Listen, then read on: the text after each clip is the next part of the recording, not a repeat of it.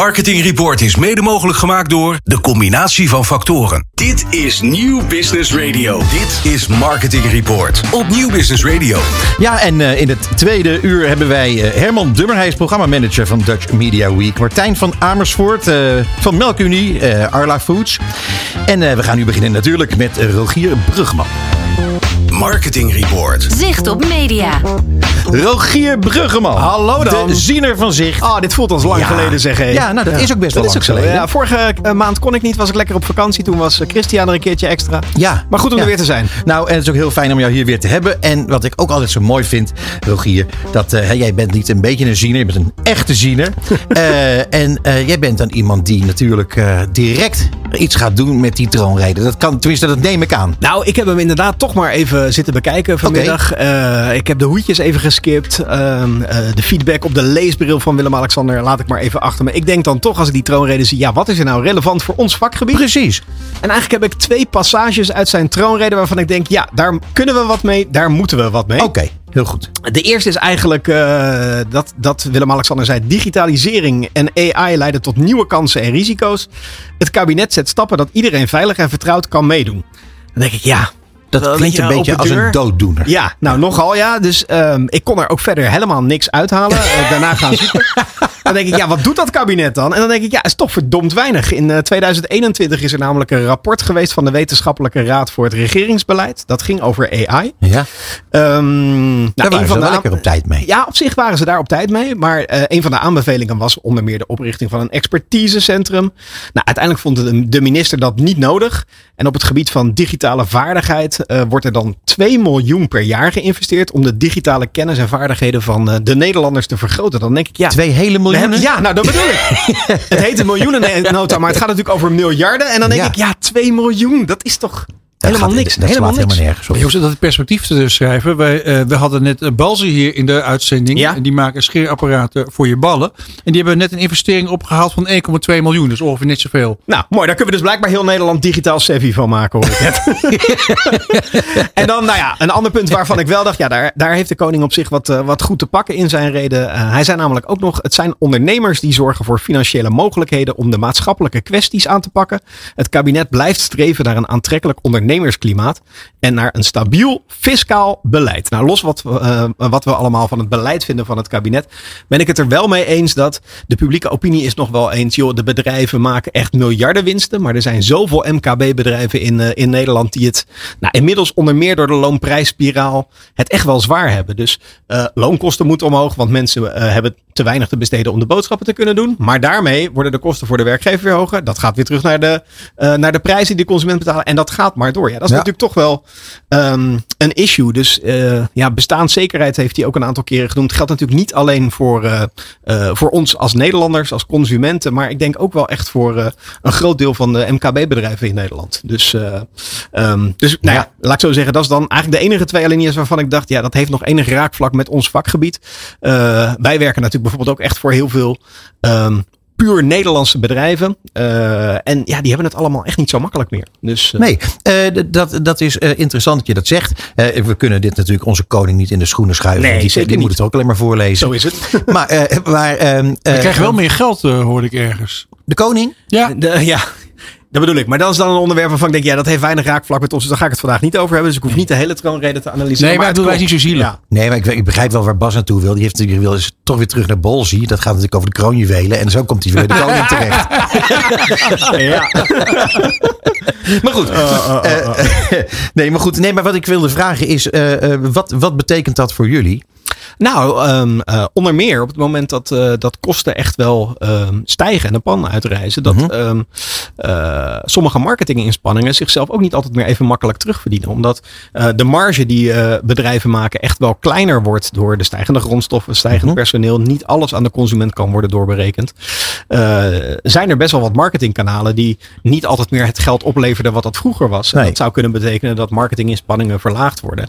En ja, dat is natuurlijk voor ons als branche niet wenselijk en niet goed. Nee, het betekent wel dat, dat is, dat is met, met crisis eigenlijk altijd het geval. Hè, dat als er minder geld is, dan moet je slimmer zijn, toch?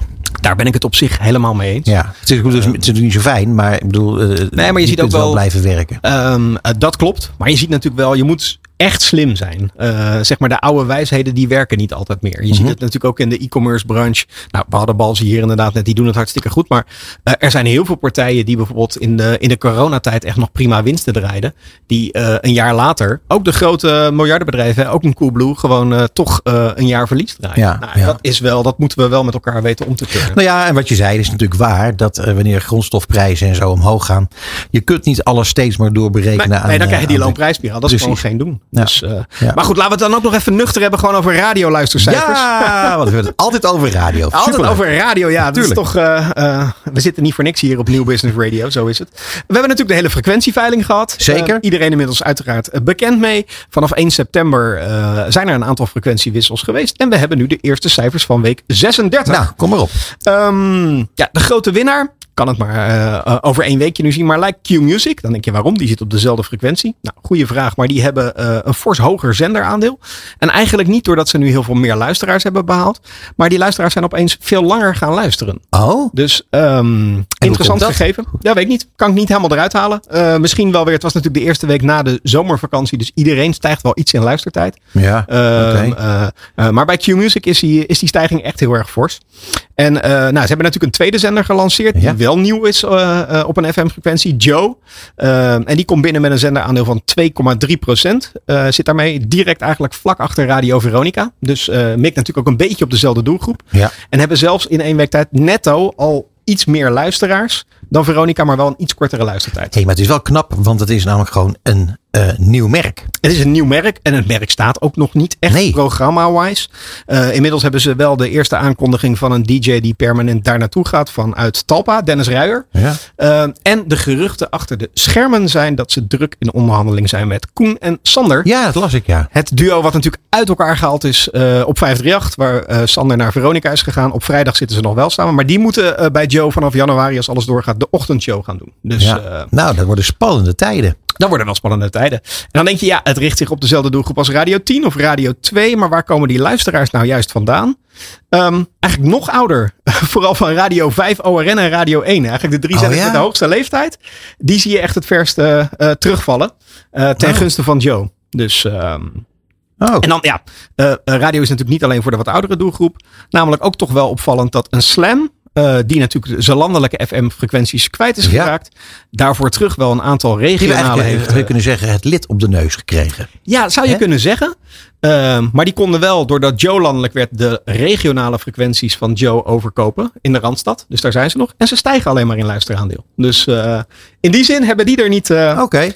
een enorm probleem van gehad. Heel dat geldt overigens niet voor Sublime. Die zakken echt wel uh, weg. Het weekbereik daar is meer dan gehalveerd. Um, dus ja. En dat ging al niet zo best. Dat ging al niet zo best. Um, komt nu ook bijvoorbeeld echt onder zenders als Classic en Kink uit. Die natuurlijk ook niet op de FM te horen zijn. Het is allemaal zo jammer. He? Terwijl die toch eigenlijk een publiek hadden kunnen, bedien hadden kunnen, kunnen bedienen. bedienen. Ja. Maar ze hebben het niet gedaan en dan krijg je straf.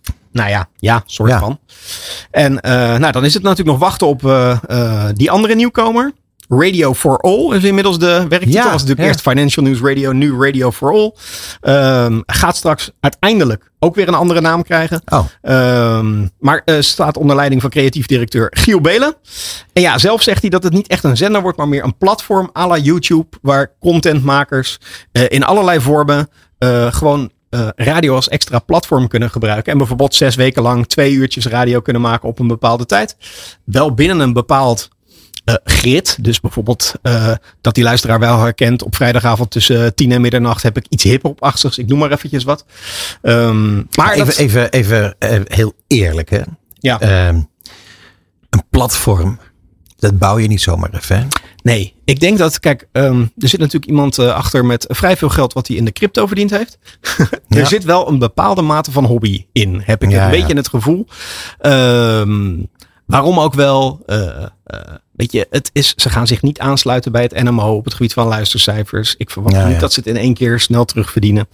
Dus um, ik denk dat dat in ieder geval, de, nee, dat geeft denk ik wel de rust om gewoon iets te doen. En een beetje wel, want dat vind ik het wel, het is wel patroondoorbrekend. Een keer iets wat niet een redelijk uitgetekend format Nee, heeft voor oké. een hele zender.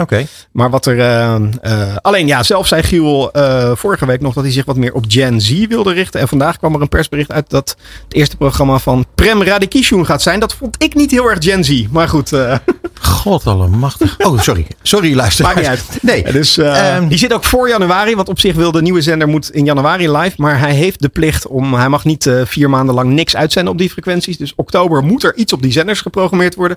Dus volgens mij. eh, ehm, gaan ze gewoon wat freewheelen met een, met een aantal Hey, programma's. we kunnen met z'n drietjes wel wat doen. Zou kunnen. Hè? Nou, bellen Hey, we hem. Peter, precies wel wat van ons. Ja, dat zeg ik net. Met z'n drietjes gaan we even iets leuks doen. lachen. Ja. Nou, kan best. Ja, zit er ruimte zat. Goed, maar dat even terzijde. Ehm kijkcijfer en methodieken. Ja, ook dat is veranderd. Sinds 28 augustus eh, hebben we een nieuwe meetmethode, eh, namelijk een nieuw onderzoek, het Nationaal Media Onderzoek. Ja. En nou, ook daar hebben we natuurlijk inmiddels de eerste eh, resultaten van. Eigenlijk zien we dat het overall kijkgedrag niet enorm toe of afgenomen is, maar wel dat jongeren er iets minder slecht uitkomen dan we altijd dachten. Ehm, en Talpa lijkt opeens toch de grote winnaar eh, van de nieuwe kijkcijfermethode. Waar Talpa toch altijd programma's had die de top 10 niet haalden, Ja. staan ze nu regelmatig opeens in de top 5. Sterker nog, vorige week maandag nummer 1 programma. SBS 6 Chateau Meiland. Nou, dat was verleden nooit zo. Ongelooflijk. Maar Dus, eh, eh, laten we nou eventjes, even heel eerlijk zijn. Deze nieuwe methodiek, die is toch gewoon honderd keer eerlijker dan, dan dat het was. Want ik bedoel, dat uitgesteld kijken, dat hoort er toch gewoon bij. Dat is toch bereik? Ja, het zijn twee dingen. Uitgesteld kijken is er nu bijgekomen. Eh, die hadden wij altijd al. Alleen eh, de dag na Ja, uitzending. niet, niet op het moment suprem. Nee, nee, op het moment suprem dat de pers erover kon schrijven was altijd de dag erop. Dat is nu een week vertraagd doordat Ja. het uitgesteld kijken erin mee kan.